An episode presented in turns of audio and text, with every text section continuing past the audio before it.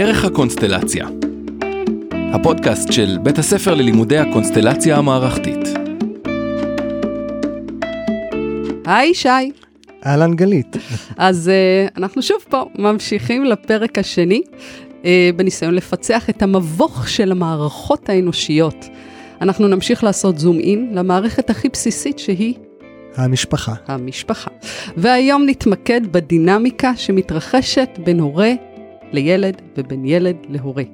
בין אם אנחנו הורים לילדים או ילדים להורים.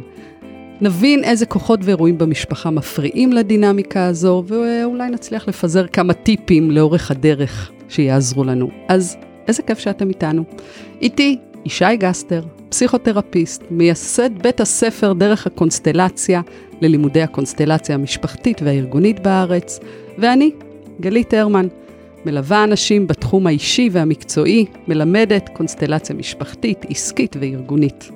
אז יאללה, בוא נצא לדרך ונשאל, למה, למה משפחה זה כל כך מסובך? תגידי שי, למה בעצם אנחנו מתחילים בלדבר על משפחה? הרי יש עוד התארגנויות אנושיות, כמו קהילות וארגונים, אני גרה בקיבוץ, זה גם התארגנות אנושית. למה בעצם חשוב שנתחיל לפרום את הסיפור הזה דווקא ממשפחה? כי באמת משפחה זה מסובך. אה, נכון, אה, הכל מתחיל במשפחה. בואו נתחיל ככה. אה, אין ארגון, אי אפשר לבוא לארגון אם לא באנו ממשפחה. זאת אומרת, גם אם אנחנו באים מבית יתומים, עדיין אנחנו באים ממשפחה. יש לנו אבא, יש לנו אימא, גם אם הם לא חיים או לא איתנו. אנחנו תוצר של משפחה. אמ, והמשפחה או המבנה המשפחתי שממנו באנו, אה, אותו אנחנו לוקחים איתנו לכל מקום. אז לכן אה, ברגע שרוצים לדבר על התארגנויות, זה טוב אה, רגע ללכת להתחלה, ממה ההתארגנות מתחילה. וכל התארגנות היא מתחילה אה, מהבית. אני, כשאני בא לארגון או ל, ל, לקהילה או, או חלק מקיבוץ או מהלינה המשותפת, אני מביא את הבית שלי איתי. אני מביא את ההורים שלי איתי, את הסיפור שלהם איתי. אה, הכל מתחיל במשפחה. כלומר, אתה אומר בעצם כל היחסים שיש לנו במשפחה הם אחר כך כל הזמן מהדהדים לנו אה, בחוץ בדרכים שונות. כן, בדיוק. ליונג, קרל גוסטב יונג, היה משפט, אה, אני אצטט אותו, ושאומר ככה, We tend to constellate our story wherever we go.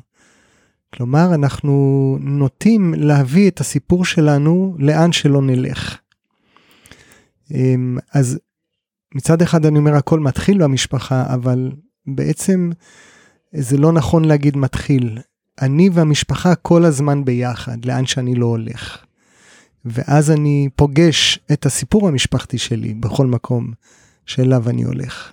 אז באמת יהיה מעניין אה, להסתכל בהמשך, איך הדברים שאנחנו פוגשים ונדבר עליהם כאן, כלומר יחסי הורה-ילד, אה, אחים בהמשך שנדבר, איך, האם באיזשהו אופן משהו ביחסים האלה מהדהד אצלי גם, וקורה לי גם בחוץ, לא בתוך המשפחה. כן, כן.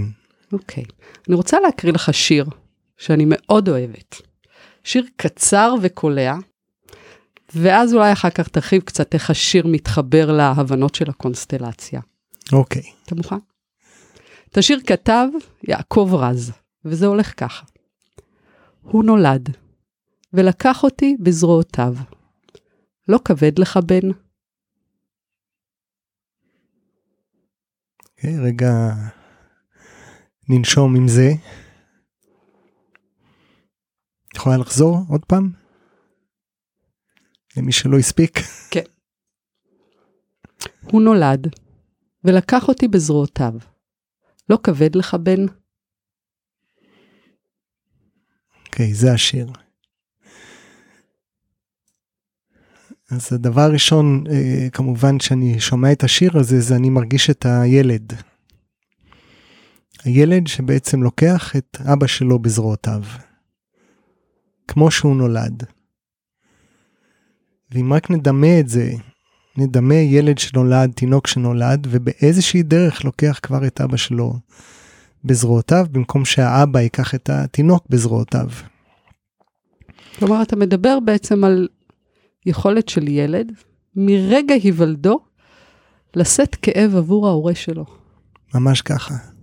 זה קורה כל הזמן, אה, בכל משפחה, בכל משפחה. כלומר, כל ילד מעצם היוולדו, הוא נושא כאב עבור ההורה שלו. זה לא, זה לא משהו שקורה רק כי משהו לא טוב קרה במשפחה. כן. אה, אני ארחיב את זה, הוא לא רק נושא עבור ההורה שלו, הוא נושא עבור המערכת הבין-דורית שלו. כלומר, גם הסבא וסבתא, בדיוק, וההורים כן. שלהם, וההורים שלהם, וההורים שלהם. כן. כלומר, אפשר להניח שאותו הורה אה, הוא כבר תוצר של הוריו ושל הסיפור, סיפורים קודמים. כלומר, כל ילד שנולד הוא אה, מקבל לחיקו, לידיו, לזרועותיו, לליבו, לגופו, אה, סיפורים וכאבים וחסכים וחוסרים וטראומות גם מהוריו ומהדורות הקודמים. אז בוא, בוא נתמקד רגע בילד והורה, אוקיי? עוד לא ילד, הורה, סבא וכזה. כן, אז אה, רגע נתמקד בילד והורה, ברור לנו שההורה עצמו הוא גם ילד של הורה, וכל אחד הוא ילד של הורה. אה, יש מושג מוכר שנקרא, הרבה משתמשים בו, ילד הורי. והכוונה בעצם לילד ש, שמוצא את עצמו עם תפקידים ששייכים לעולם המבוגרים. אה, ועוד יותר שייכים להורים שלו, תפקידים ששייכים להורים שלו.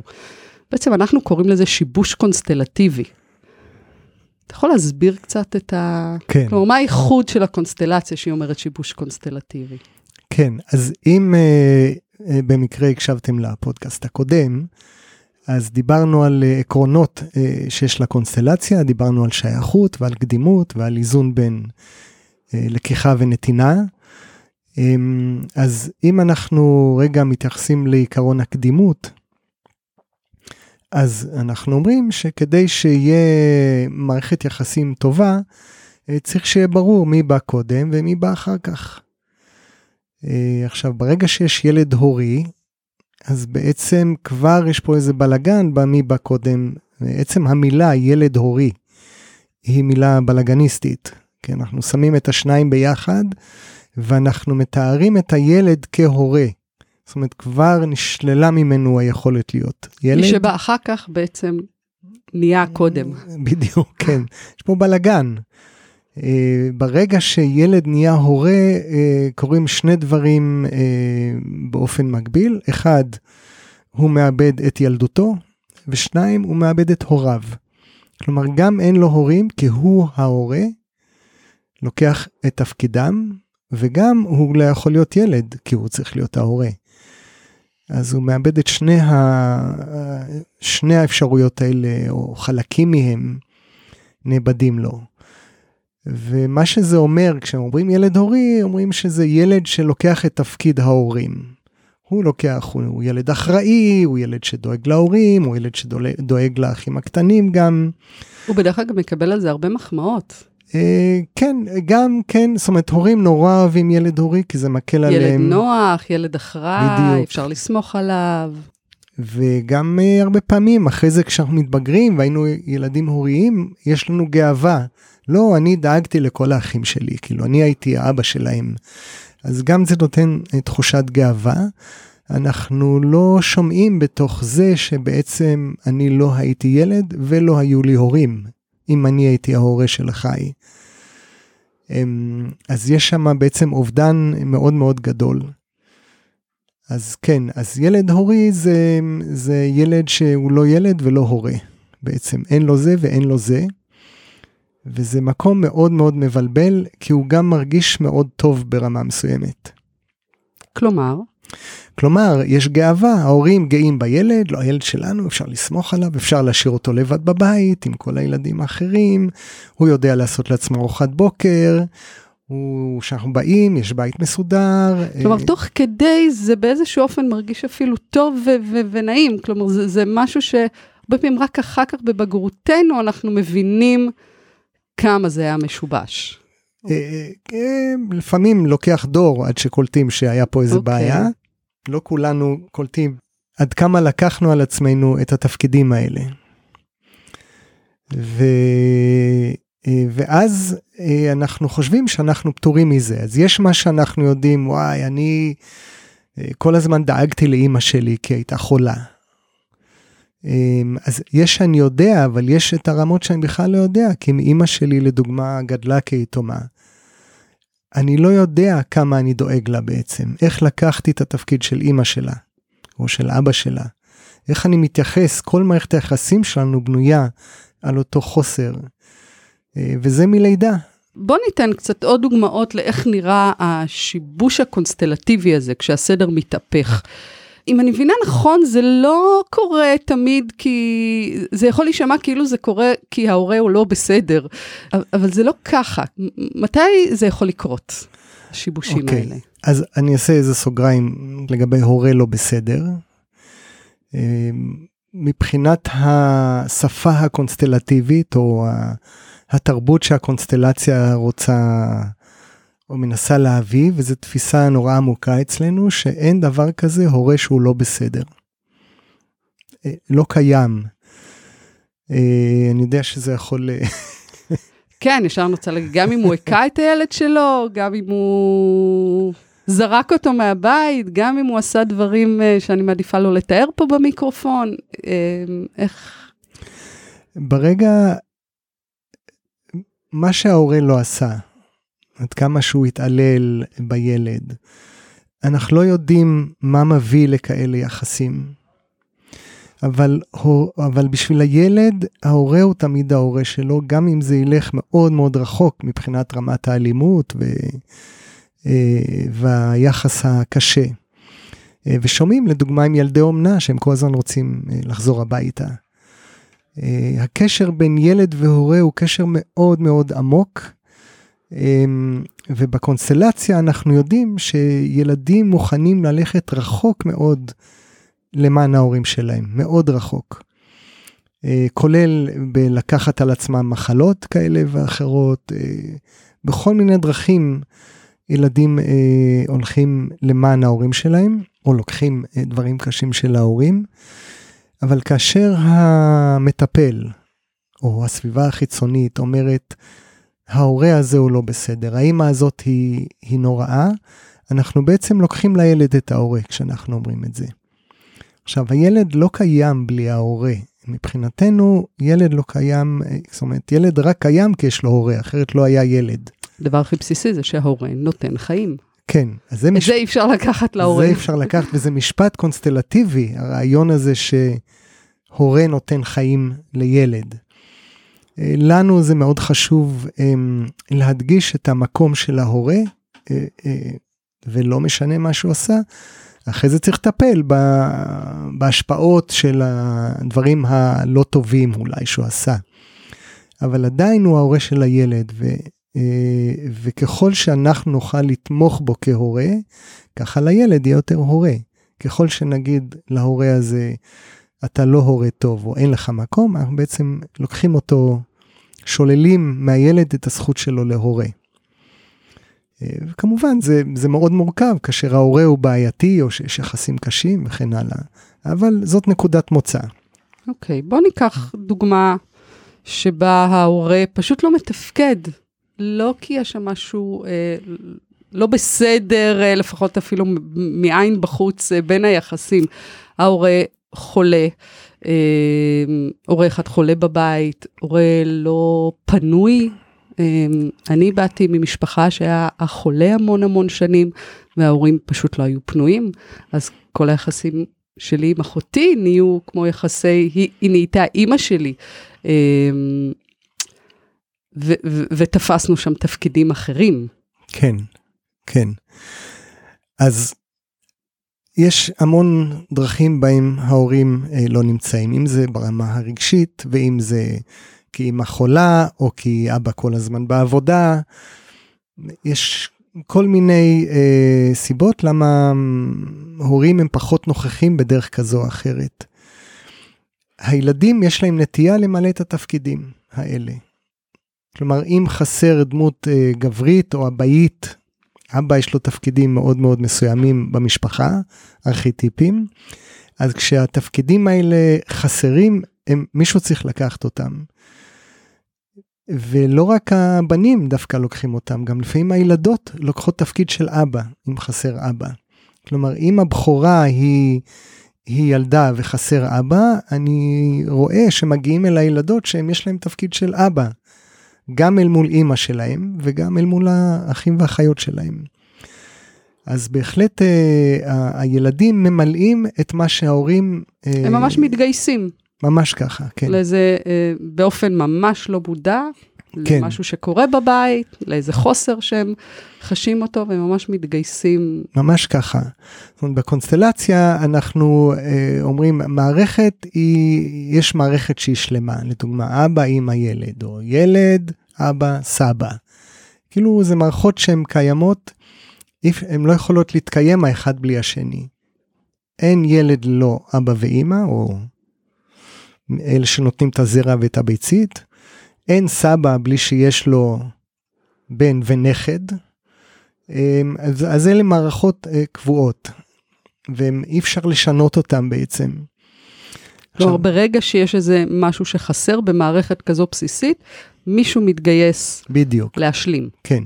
ורגע ניתן עוד דוגמה פה ככה היינו מנקודת המבט של הילד, אבל אני רוצה רגע שאני אתן דוגמה מצד ההורה דווקא, שכמו מבקש שהילד ידאג לו. כלומר, איזה מין משב רוח כזה שמגיע מההורה, שמתוך אה, איזשהו חוסר שיש לו, הוא קצת מושך את הילד אה, לעזור לו, להגן עליו, להיות האוזן הקשבת שלו, אה, שהילד יטפל בו.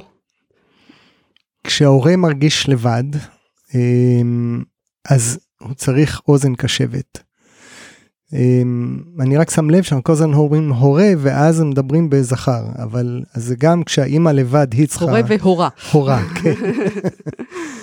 אמ, אז בהחלט אה, כשאימא כל הזמן לבד בבית, ונניח אין לה אחיות שיכולות להיות אוזן קשבת, ולא הורים, אז זה צריך ללכת לאנשהו. אז אחד הילדים יהיה האוזן הקשבת.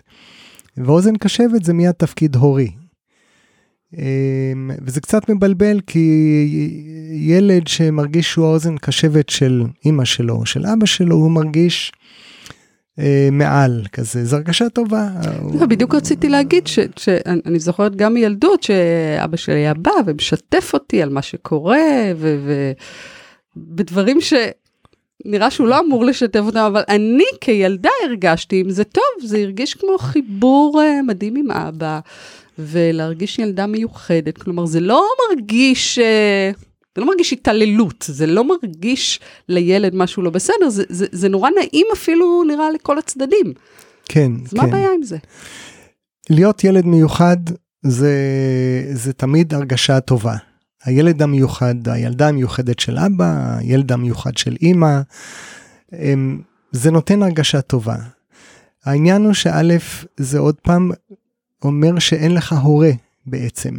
אתה נהיה חבר של ההורה, אתה אפילו נהיה ההורה של ההורה, כי אתה האוזן הקשבת שלו. למי הולכים שכואב? לאבא ולאימא. אבל אם אני הולך שכואב לי לילד שלי, אז זה אומר שאני מתייחס אליו כמו אבא שלי או כמו אימא שלי. אז באותו רגע אני לא הורה שלו, והוא לא הילד שלי. אז שנינו, הוא בעיקר איבד פה יותר מאשר אני. אני כאילו קיבלתי אוזן קשבת, אבל איבדתי ילד. אמ, אז ברגע שהילד נהיה מיוחד, הוא מורם מה... מתפקידו כילד. אה, לא פעם גם זה גורם לו מתח מול האחים והאחיות שלו, כי הוא נהיה המיוחד. ועל זה נדבר בפרק הבא. כן. אחים, תבשילו את השרוולים, הולכים מכות. אמ, אז, אה, אז היחסים המיוחדים שבין ילד והורה, עד כמה שהם יכולים להרגיש נורא טוב, הם יוצרים הרבה פתולוגיות אחרי זה אצל הילד. זה יכול גם אפילו להתבטא בבעיות פיזיולוגיות כאלה ואחרות, כי המערכת שלו עמוסה היא עמוסה בכאבים של ההורה. ואז הוא גם קצת לא פנוי לילדות של עצמו. הוא לא פנוי, אין לו, קודם כל אין לו הורה, אז הוא, הוא לא יכול להיות אה, פנוי לילדות של עצמו, אבל הוא מחזיק סודות מדינה למען העניין. איך הוא אחרי זה ילך וישחק מחבואים? איך הוא יתחפש לכל מיני דברים ויעשה שטויות? יש לו אה, תכנים ו- וסודות מאוד חשובים של המשפחה. ועד כמה שזה אולי מרגיש טוב, גם לילד וגם להורה, זה לא טוב לילד בשום דרך. אני רק אוסיף, כאשר יש קשר מיוחד כזה, כמו שאת מספרת, לדוגמה, בין הבת ואבא שלה, זה מוציא את אימא שלה מהסיפור. אוקיי, okay, אבל נראה לי נמשיך. נגיע לזה, זה, כן. נגיע לזה עוד כן. מעט, כדי לא להעמיס. אנחנו כל הזמן מדברים על הורים וילדים, ואנחנו uh, בעצם, בגילנו המופלג, אנחנו גם הורים של וגם ילדים של, זה, זה מין מקום כזה בין לבין. וככל שגדלתי, אז נהיה לי יותר קל להסתכל על ה... בעצם על היחסים שלי כילדה אל מול ההורים שלי, ולהגיד, אוקיי, זה היה טוב, זה לא היה לא טוב, זה חסר, זה לא חסר, מה קיבלתי, מה לא קיבלתי. אבל מה שבאמת הכי מעניין אותי, זה מה אני כאימא יכולה, אה, אה, איך אני מונעת את השיבושים האלה, כאילו, תעזור לי. אוקיי. איך, אה, איך אני יודעת שמשהו לא משתבש לי בבית, אה, בלי לשים לב בניואנסים קטנים?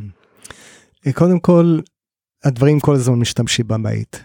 הדברים כל הזמן משתבשים בבית, אפילו להגיד את זה זה משבש. הכל משתבש לטובה, יש גם איזה משפט כזה.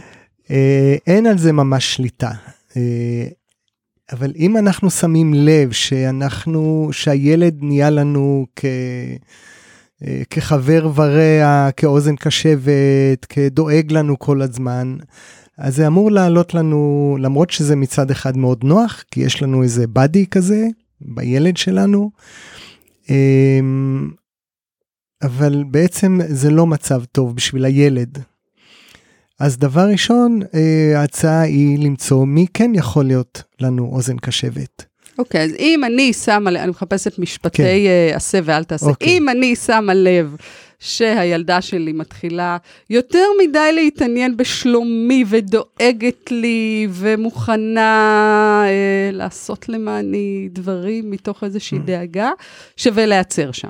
ממש, ממש שווה להיעצר שם. ו- ו- ובעצם לשאול את עצמי מי אמור לעשות את זה. אולי, מי, אולי היא מרגישה אפילו דברים שאני עדיין לא מרגישה, בדיוק, כן. היא מרגישה איזה חוסר שיש לי. כן. ואז מהר אני צריכה להרים טלפון לחברות שלי ולהגיד, בואו ניפגש מהר. כן, הילדים מריחים את הכאבים שלנו, הם מריחים מתי לא טוב לנו, הרבה פעמים לפני שאנחנו אפילו מודעים לכך. אז אם הילדים מתחילים מאוד לדאוג לנו, סימן ש... ואפילו אם לא נראה לנו, שנראה לנו שהכל בסדר, אז סימן שמשהו קורה לנו. זה לא שהם דאגנים יותר מדי, וזה כמו לא... כמו איזה מראה כזו ששווה להסתכל. זה אפילו, בתוכה. הייתי אומר, ססמוגרף. אוקיי, ססמוגרף. כן, ו... כלומר... איזה, אז תן לי עוד ססמוגרפים, תן לי עוד, עוד. מתי אני צריכה, אם, אז... אה, לדוגמה, אה, שהילד לא יוצא מהבית.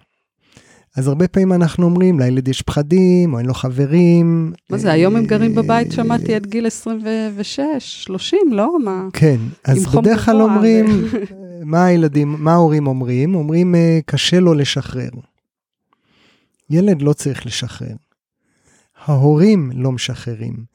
וזה לא משנה כמה הורים אומרים לא, הוא לא יוצא מהבית, הוא לא מסתדר עם חברים, הוא לא מוצא עבודה. אה, הוא תקוע בבית כל הזמן, אז שמים את הכל על הילד. אבל אם נבדוק, הילד עושה שם איזשהו מהלך למען ההורים. אה, כלומר, זה, יש לנו פה הצעה שכמעט הרבה סימפטומים שקורים לילד, להסתכל על זה, שבעצם הסימפטומים האלה קורים למען ההורים. עבור איזשהו כאב שיש להם. כן, כן. וואו. יש ציטוט um, טיפה um, שמחדד את זה מאוד, של ברט הלינגר, uh, אבי הקונסטלציה, והוא ציטוט נורא פשוט, והוא אומר ככה, אני זוכר שהוא אמר את זה באיזה סדנה שהייתי, היו שם קהל מאוד מאוד גדול, של, לא יודע, 200 איש. הוא עמד ככה מול כולנו, והוא אמר, לילדים אין בעיות. וואו. בטוח?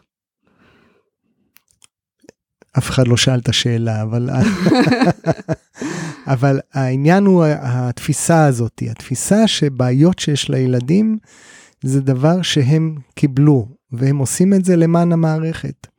כדי להבין את הבעיה או כדי לפתור אותה, אנחנו בעצם צריכים לפנות להורים, לסבא כן. סבא, לשושלת המשפחתית. כן. לבדוק איזה כאב הילד מוכן לשאת עבור המערכת. כן, כן, ואנחנו יודעים שילדים מוכנים אה, כמעט להקריב את עצמם למען המערכת, הם מוכנים ללכת מאוד רחוק. לדוגמה, להיות חולים למען אה, ההורים. לפתח גם מחלות, סימפטומים כן. פיזיים אפילו.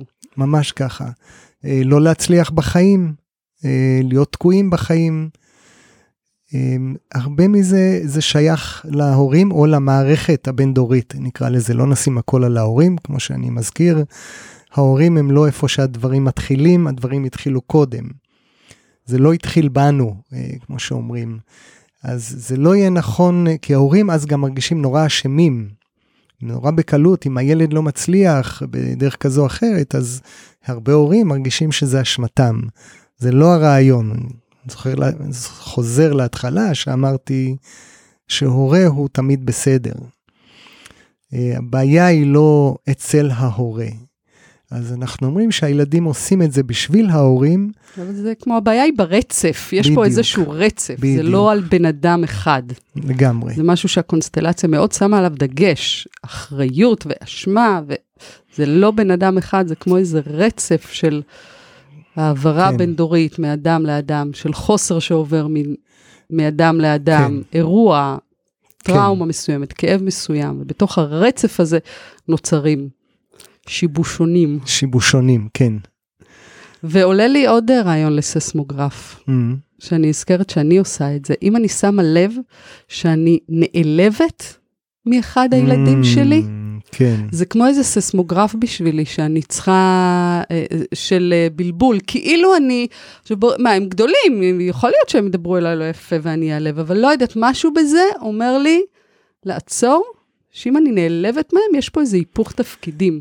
כי כאילו להיעלב מילד שלי, זה כאילו אני ילדה שנעלבת מההורה שלה. נכון. או מחבר, חבר. או מחברה. מין תחושה כזו שהורה לא אמור להיעלב מילד. לגמרי.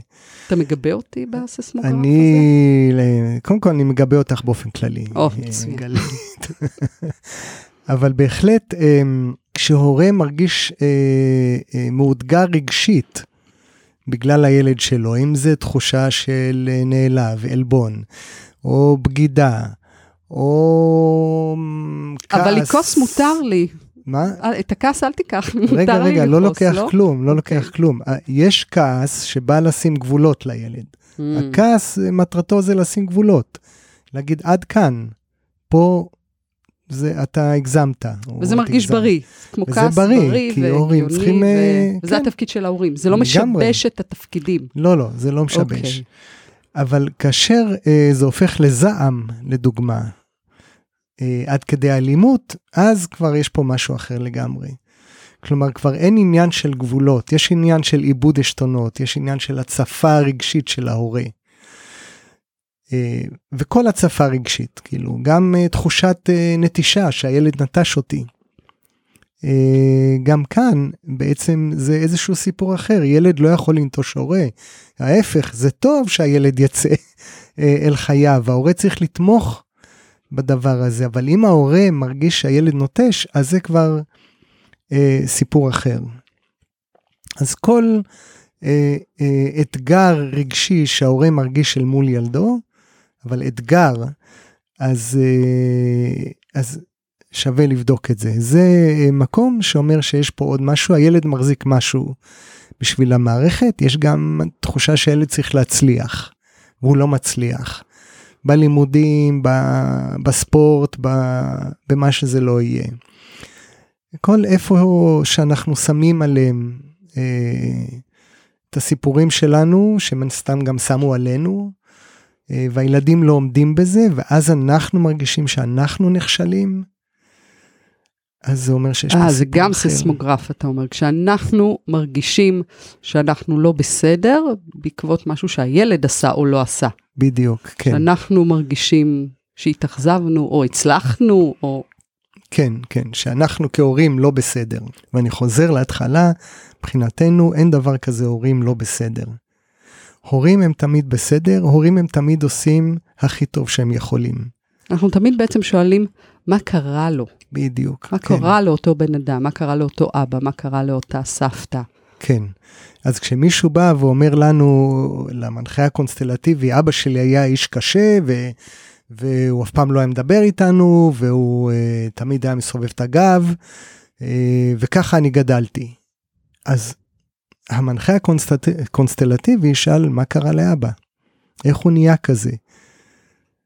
Uh, מיד נלך לשם, נחפש את האירועים ואת הדברים שקרו, בדיוק. הטראומות שיצרו כן. איזשהו כאב שנוצר במקום מסוים והתחיל להתגלגל הלאה. כן.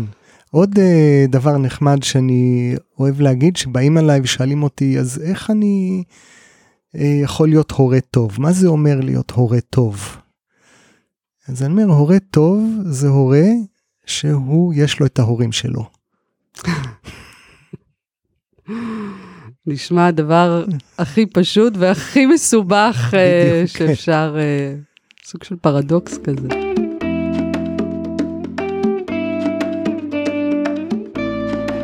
אוקיי, אז בעצם אנחנו מבינים שכשיש סיפורים לא מוכלים אצל ההורים, במודע או שלא במודע לא מוכלים, אז הילדים משתתפים במסע. הם לוקחים על עצמם את הכאב הלא פתור בעצם. בואו נסתכל על כאבים מסוימים שלילד תהיה יותר נטייה לקחת על עצמו. בואו נתחיל קצת אוקיי. uh, לפרט. אוקיי, אז um, בואו נתחיל עם uh, מה שאנחנו קוראים הדמות החסרה. הדמות החסרה. מה הביטוי הזה בא לתאר? הביטוי אה, בא לתאר שיש בעבר של ההורים אה, דמות שהיא חסרה. אה, לדוגמה, בדיוק שמענו על אח שנפל במלחמה. אותו דבר יכול לקרות גם חבר נורא קרוב שנפל במלחמה. זה יכול להיות הורה שמת בגיל מאוד מוקדם, כשהילד עוד היה מאוד צעיר. אמ, כל הסיפורים מהשואה שמשפחות שלמות אה, נשאר רק אח, אח אחד או כלומר, זה בעיקר קשור למוות של איזשהו בן משפחה, או חבר Mm. מאוד מאוד קרוב. לא רק יש אה, תופעה שלמה של אה, שנקראת תאומים נספגים אוקיי. שהתאום ברחם אה, יש תאומים שיודעים עליהם ויש כאלה שלפעמים זה מתגלה ואחרי זה שבודקים מוצאים שאכן כך שהיה איזה דימום בשלב נורא מוקדם של ההיריון כלומר, אתה לוקח אותנו לעולם בכלל של אה, הפלות. נכון, אה, נכון. כלומר, זה לא מישהו שכבר נולד, היה חי ואז מת. אה, כלומר, איזשהו מוות של מישהו בן משפחה שאנחנו אפילו לא יודעים באיזה שלב כן בדיוק אה, נספג, נפטר, אה, הופל. כן.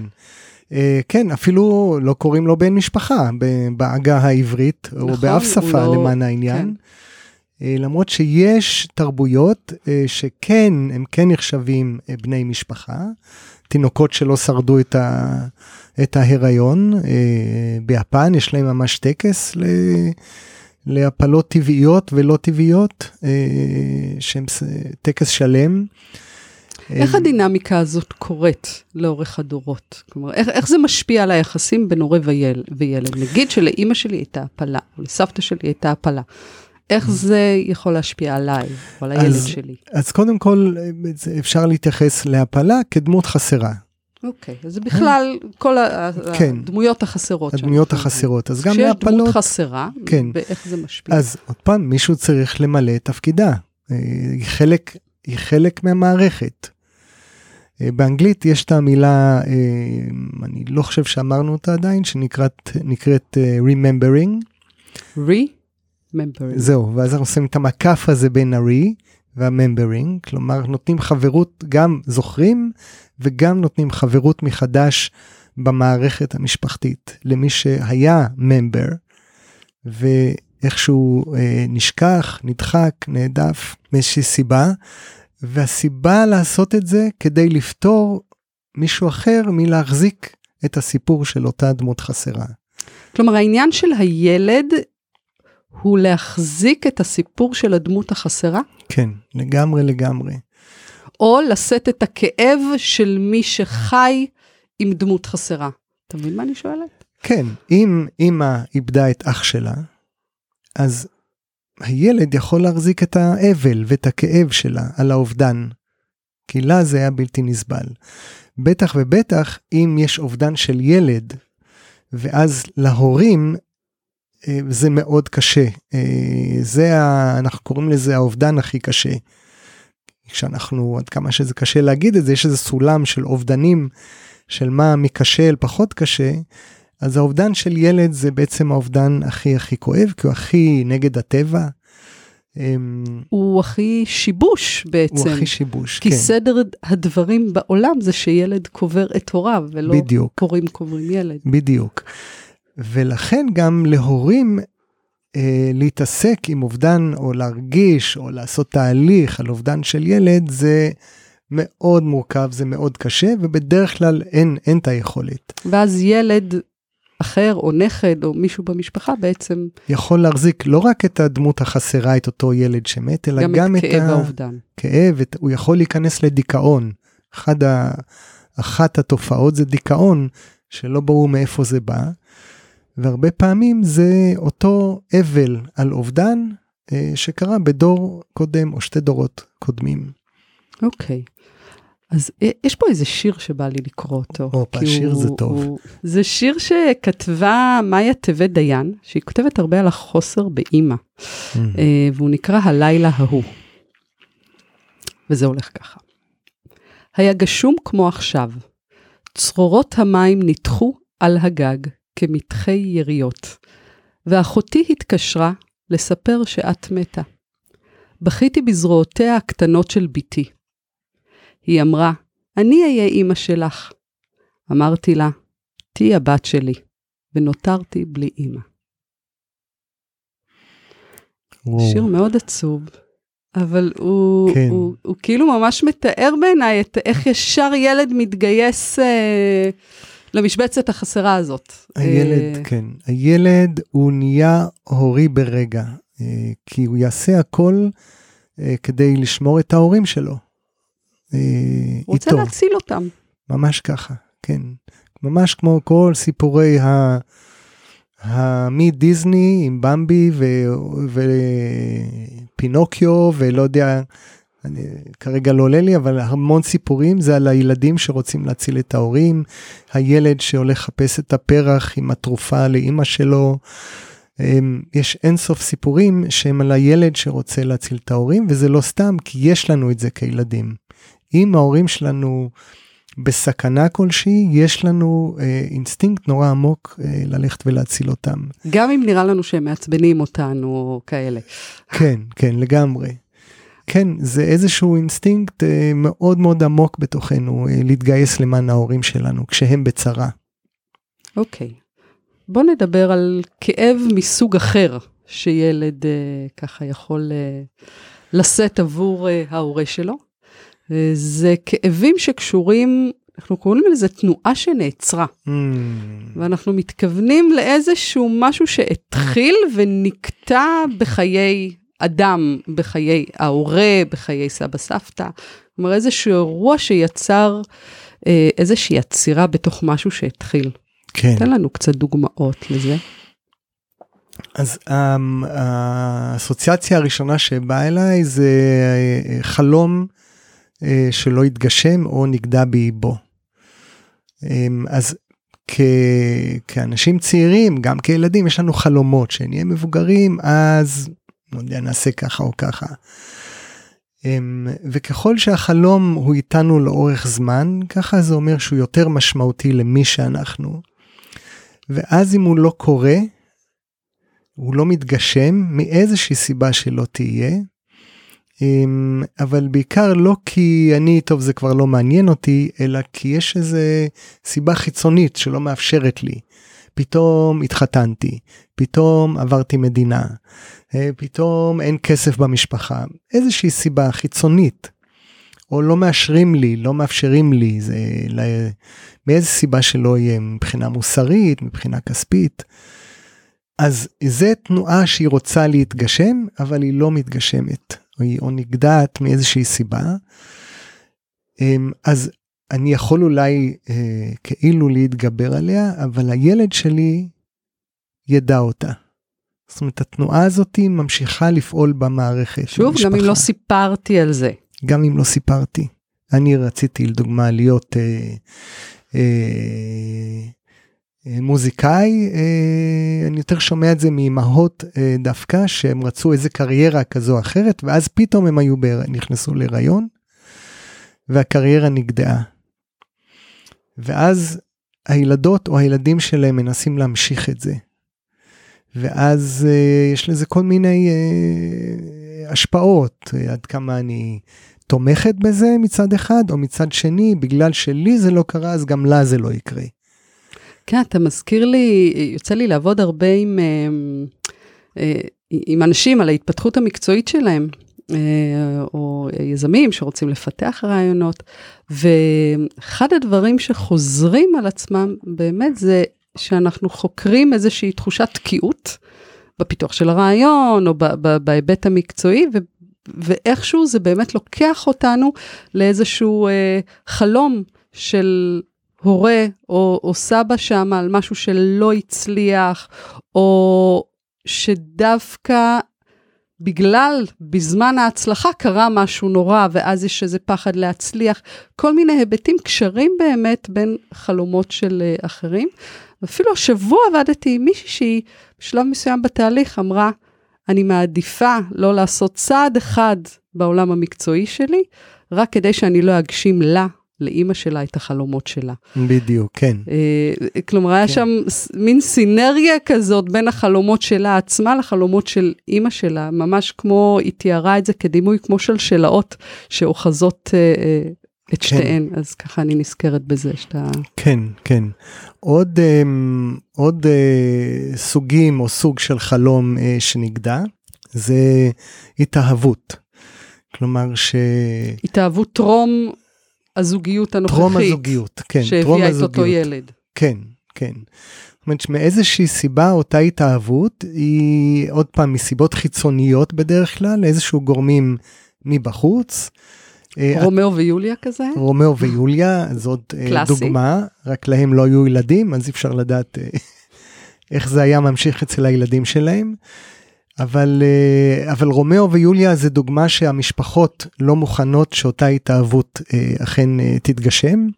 יש את זה בטח ובטח אצלנו היהודים, כשיש התאהבות במישהו שהוא לא יהודי, אמ, אז זה אחד האפשרויות אבל יש עוד כל מיני אה, סיבות כאלה ואחרות במלחמות בשואה זה נורא ידוע אפילו כאלה שהתחתנו אבל לא היו ילדים ובן או בת הזוג מתו ואז התחתנו שוב. אז גם כן משהו שהתחיל ולא התגשם אותה זוגיות לא היה לה ילדים. יש לזה השפעה אחרי זה על הילדים מהזוגיות הבאה.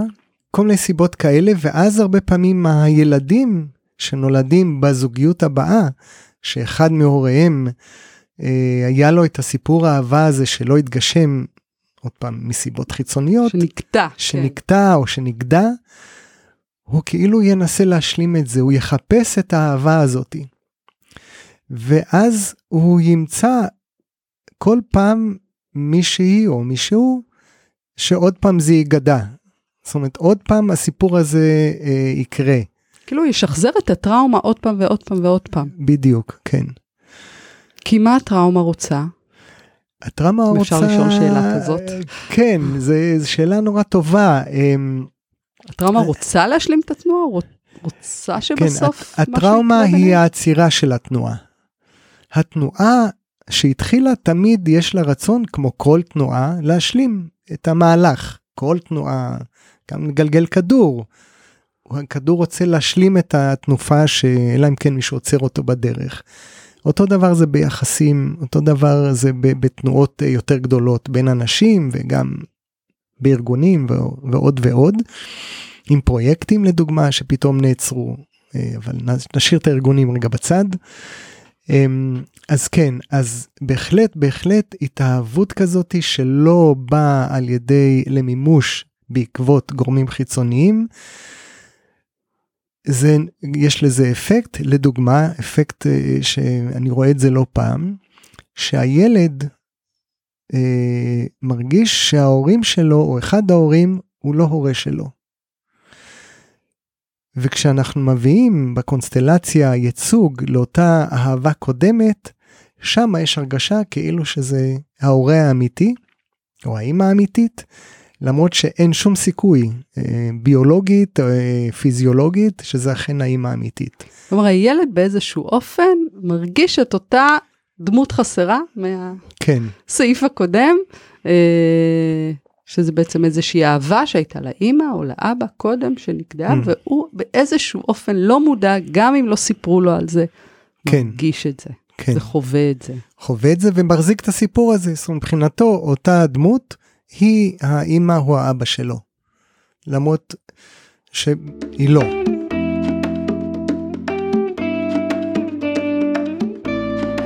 אנחנו עוברים עכשיו לפינת, אתה מכיר את זה ש? אוקיי. ואני הולכת לתאר לך תופעה, תופעה משפחתית שסביר להניח הרבה אנשים ידעו להגיד שהיא קורית אצלם בבית. שהם מכירים את זה. שהם מכירים את זה, אה, ואני אשמח אם אתה תסביר את התופעה הזו מנקודת המבט הקונסטלטיבית, ואולי גם לנסות לפזר לנו כמה טיפים שקשורים לנושא. אז אתה מוכן? רגע, אין איזה קדימון מוזיקלי? טה-טה. אז כן. אתה מכיר את זה ש... שלילד יש הורה אחד שהוא יותר בקשר איתו, ואז גם מרב הכעסים של הילד הזה מופנים להורה השני. ואקסטרה שאלה זה אם אני כילדה חוויתי את התופעה הזאת, אז איך זה משפיע עליי כהורה לילדיי? אוקיי. Okay. אתה כן, מכיר אני, את זה? כן, קודם כל אני מכיר את זה, מכיר את זה טוב מאוד, אני חושב שכולם מכירים את זה, ומי שלא מכיר את זה אז שיבדוק רגע. כלומר, אתה אומר, כמעט לכולם יש ההורה הבסדר וההורה הלא בסדר. כן, the good cup and the bad cup, טוב, כן, אני אבוא הביתה ואני אשאל את הילדים שלי, איפה אני בסיפור. כן, יש את ההורים ששואלים את מי את יותר אוהבת, אותי או את אימא, כאילו, זאת אומרת, אה, זה עד כדי כך הולך. וזה כאילו בדיחה, רק לא יודעים שלילדים זה ממש לא מצחיק לשאול אותם את השאלה הזאת, את מי הם יותר אוהבים, את אבא או את אימא. אז כן, אז קודם כל זה קיים אה, בכל יחסים בין הורים וילדים, ברוב המקרים יש את ההורה המועדף. אה, אם אה, את היית מועדפת על אבא שלך, אז זה אומר שאימא יצאה מהסיפור, זאת אומרת יש פה יחסים אקסקלוסיביים. אז זה אומר שאין לך אימא, קודם כל. ואז כשאת באה להיות אימא, יש לך חוסר באימא. אז, אז כבר שם זה משפיע על היכולת שלך להיות אימא עם ילדייך. סתם, זה אותו דבר עם בן, אם אני, היה לי קשר מאוד מיוחד עם אימא שלי, זה הוציא את אבא שלי מהקשר המיוחד הזה.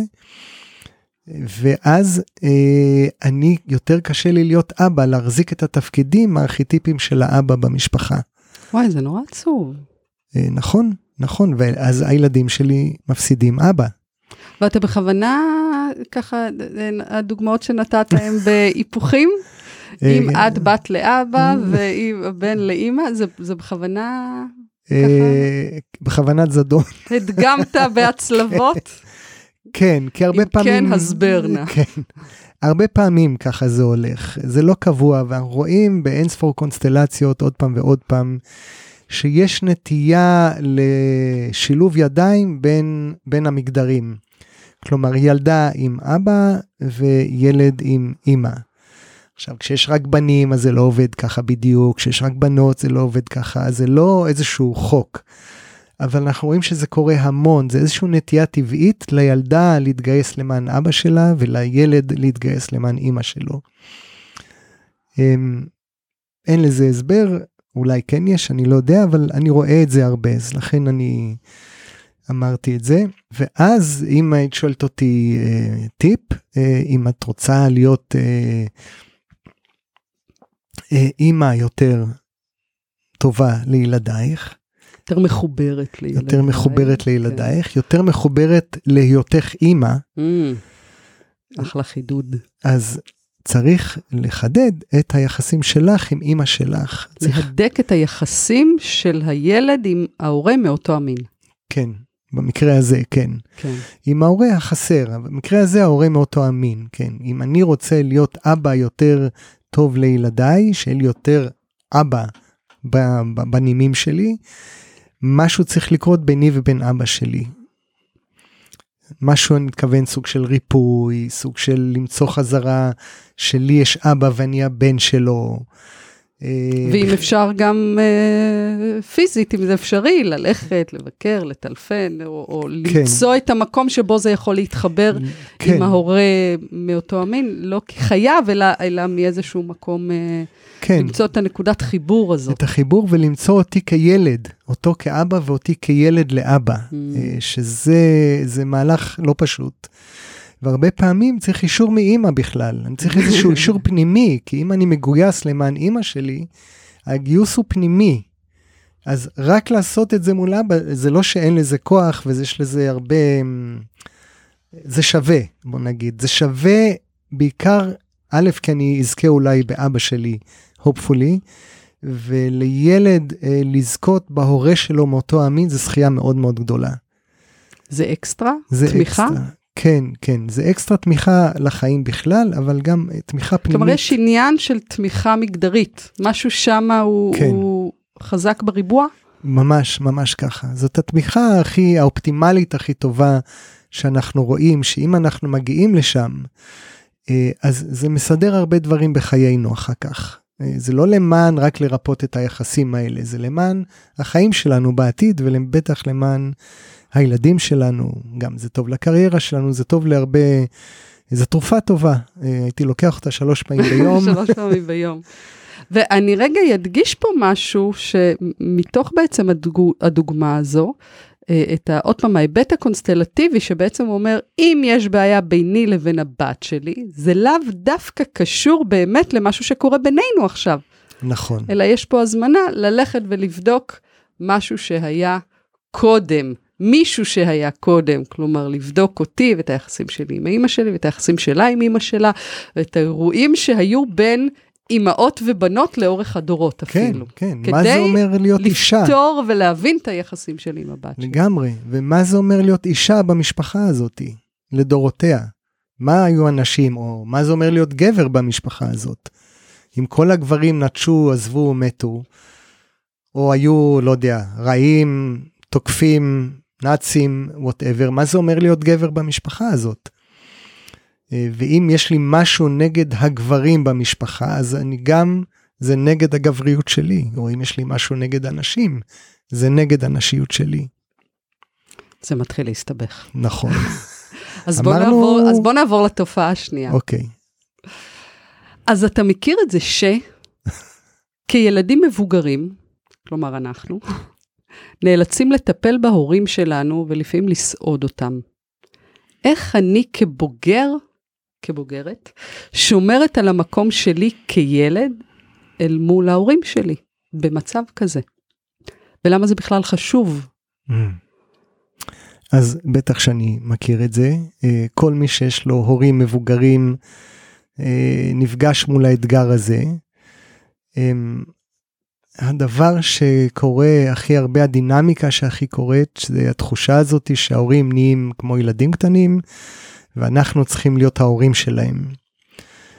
וככל שהדינמיקה הזאת יותר תקרה, שאני ארגיש שאני צריך להיות ההורה של ההורים שלי, הם יהפכו לילדים יותר בעייתיים. אני יותר אכעס עליהם, הם יתחילו להיות עוד, הם, הם יתחילו למרוד, למרות שאני רק רוצה בטובתם באופן חד משמעי, אבל התחושה הזאת היא שאני ההורה שלהם ואני זה שאומר להם מה נכון ומה לא נכון, אה, והופך אותם לילדים, אני מקבל גם הורה מאוד מאוד לא טוב, שזה אני, וילדים שהם כל הזמן מורדים, שזה ההורים שלי. וזה מביא להרבה הרבה כעסים ותסכולים. אבל, אבל לפעמים זה המציאות, כלומר, אותו ילד מבוגר צריך לקחת את ההורים שלו לרופא, לעשות איתם כל מיני דברים שבאמת הורים עושים לילדים. אה, לקחת לרופא, להסיע לבדיקות, לוודא שלקחו את הכדורים, הם, אה, חלקם נהיים דמנטים ובאמת שוכחים, והם לא זוכרים, והם, והדיבור משתנה. כלומר, איך בתוך... מציאות שבעצם גורמת לילד בוגר לטפל בהוריו, איך בתוך מציאות כזאת אפשר לשמור על איזשהו מקום אחר? מה, מה בעצם אתה מציע פה? או כן. אומר. אז קודם כל אני אומר, ככל שאני אצליח לזכור שאני ילד וזה אבא שלי או זאת אימא שלי, כמו שהם תמיד היו אבא ואימא שלי, ככל שאני יותר אצליח לשמור על המקום הזה, ככה יהיה לי הרבה יותר שיתוף פעולה והרבה פחות כעסים ותסכולים בטיפול בהוריי. אה, אז גם נגיד עד כדי הרי להורים אה, מגיע שלב שגם צריך להחליף להם חיתול לדוגמה.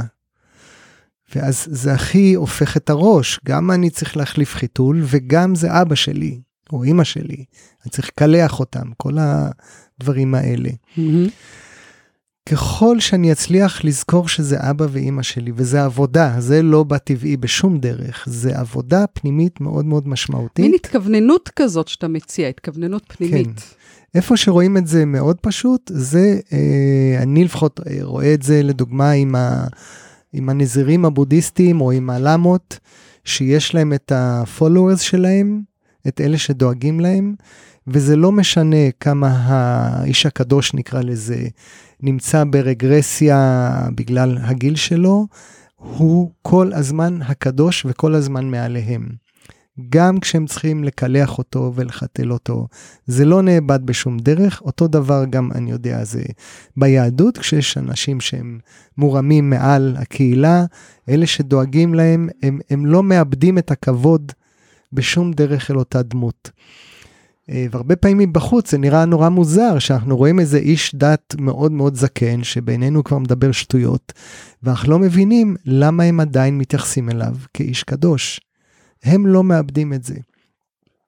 אז זה כמו איזה מין דוגמה למה אנחנו נקראים אה, לעשות אל מול הורינו כשהם אה, עוברים את התהליך הזה של העיבוד אה, היכולות שלהם, נקרא לזה. ממש התכווננות כזו של לבוא ולגשת לשם עם אותה, אפילו אני אגיד סוג של הודיה על, על החיים שקיבלתי מהם. כן. הוא ההורה שלי והוא נתן לי חיים. זה, זה כמו הדבר הכי בסיסי, אה, שלא משנה מה ההורה כן. הזה עשה או לא עשה, את זה הוא עשה. הוא נתן זה, לי כן. חיים, ו, ואפילו עם הדבר, אני אגיד, המינימלי הגדול הזה, לגשת ל, ל, ל, לטפל כן. ולדאגה להורים. כן, כן. Okay. אוקיי. ועוד אה, אולי טיפ שיכול לעזור, זה כל הזמן להחזיק בראש את ההורים שלהם. או אפילו לשים תמונות של ההורים שלהם כדי תגיד לזכור. תגיד על זה עוד משהו. זאת אומרת, לדוגמה, כל הזמן, ל... מה שאני מציע הרבה פעמים זה לשים תמונות של ההורים של ההורים בחדר. כלומר שכל הזמן יהיה ברור. תמונות של, אם אני מטפלת בהורים שלי, אז של סבא וסבתא בדיוק, שלי, של ההורים כן, שלהם. בדיוק. כי מה? מה זה מאפשר? א', זה כל הזמן יזכיר לי את הסדר פה. את הרצף. את הרצף, שלא, אני לא בא במקומם. Mm. אני לא ממלא את תפקידם. וגם הייתי שם תמונות של אנשים שהיו נורא חשובים להורים שלי, ואותם אנשים שמתו. כלומר שהם לא יחפשו בי ואני לא יחפש בעצמי למלא תפקידים כל מיני. אם אחות של אבא שלי אה, נפטרה חס וחלילה או אח שלו ואז אני אנסה למלא לו את כל אלה רק שלא יכאב לו. ברגע שאני מנסה למלא אותם מתחיל בלבול לא נורמלי. אה, מי שראה את קוקו לדוגמה את הסרט הנפלא הזה של פיקסאר. סרט מצויר. כן, כן, חובה לכל מי שרוצה להבין איך להתייחס להורים מזדקנים. שרוצה להבין קונסטלציה, שיראה את הסרט כן, קוקו. ממש. ואז שמה אנחנו רואים שהם מביאים את כל המתים אה, לאותו אירוע של יום המתים. אז גם אה, המלצתי זה כשהורינו נמצאים שם, כאילו כשמאבדים את היכולות שלהם, לשים תמונות של אלו שמתו. כדי וואו, ש... וואו, זה נשמע ממש חזק. אה, לעשות את הסדר הזה, כדי שאני לא אהיה בתפ... בתפקידים כל מיני, של רוחות כאלה ואחרים. רוחות כאלה ואחרות. אז עם הרוחות, אנחנו ממש אה, רגע לפני סיום. אה, אני רוצה אולי לתת פה נורת אזהרה קטנה, אני חושבת שאמרנו את זה לאורך הדרך, אבל שוב להגיד, זהירות מתמונה אידיאלית של משפחה אידיאלית, כי אין כזו. אין דבר כזה. אין דבר כזה, ויש פה בעיקר אה, הזמנה מצידי ומצד ישי ומצד עולם הקונסטלציה, שכדי להבין ולפתור קשיים של ילדים, כדאי לפתוח את הסיפור המשפחתי של ההורים, וכדי להבין גם אותם, כדאי לפתוח את הסיפור של הסבים והסבתות שלהם. כך בעצם יגדל הסיכוי למצוא יותר נקודות חיבור ופחות נתקים ברצף הזה. אה, כפי שאדם אינו יכול להתנתק מעצמו, כך הוא לא באמת יכול להתנתק מהוריו. הרי גם אם ההורה אכזב, כמו שאמרנו הרבה פעמים, הוא עדיין מקור החיים. ואנחנו תמיד יכולים לחפש נקודת איזון חדשה ביחסים, שבה לרגע נוכל לנוח ולהרגיש בבית. כן, אז אמן. אנחנו בעצם מסיימים את הפרק הזה, שככה עסק יותר על הורים וילדים, ובפרק הבא אנחנו נדבר על יחסים בין אחים. בינתיים, אולי גם אתם יכולים ויכולות לחשוב על רגעים שעדיין לא עוזבים אתכם, אם כילדים להורים ואם כהורים לילדים. משהו שממש הייתם רוצים שהיה אחרת, או יהיה אחרת. ואם כן, אולי תנדדו אחורה לסיפורים המשפחתיים עוד דור ועוד דור. ואולי תוכלו לגלות שם משהו על הסיבה. תוכלו לגלות סיפור כואב שמסתיר אמת גדולה.